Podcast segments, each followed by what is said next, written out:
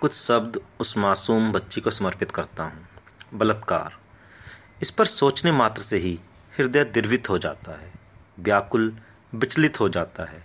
दर्द की पराकाष्ठा से परे, जो मेरी कल्पनाओं से दूर है सिर हँसी दौड़ती है, भय से अंतस में चीख गूंजती है। रोह उमड़ने लगता है, रोम रोम ज्वलित हो उठता है। अंगारे आँखों में उतरने लगते हैं, उन दरिंदों के अस्तित्व अखड़ने लगते हैं।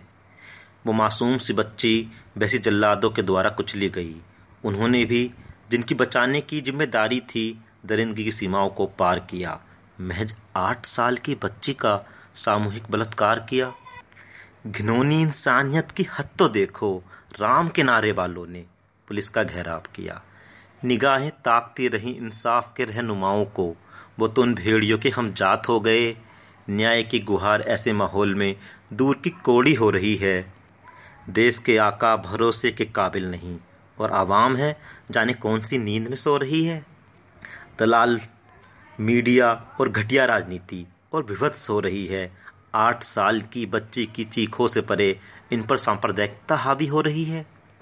उन्नाव और कठुआ तो नजारे हैं, हालात के तो इससे बदतर इशारे हैं। बची हैं जितनी साँसें, शेष है जितना आँखों में पानी। झोंक दो इस बार खुद को इस समर में। चेतना खोने से पहले, ढोंगी राष्ट्रवाद व धर्म की खुराक होने से पहले, उन मासूम चीखों के, उन मासूम चीखों के अपने गलियारों तक पहुँचने से पहले, अपने गलियारों तक पहुँचने से पहले।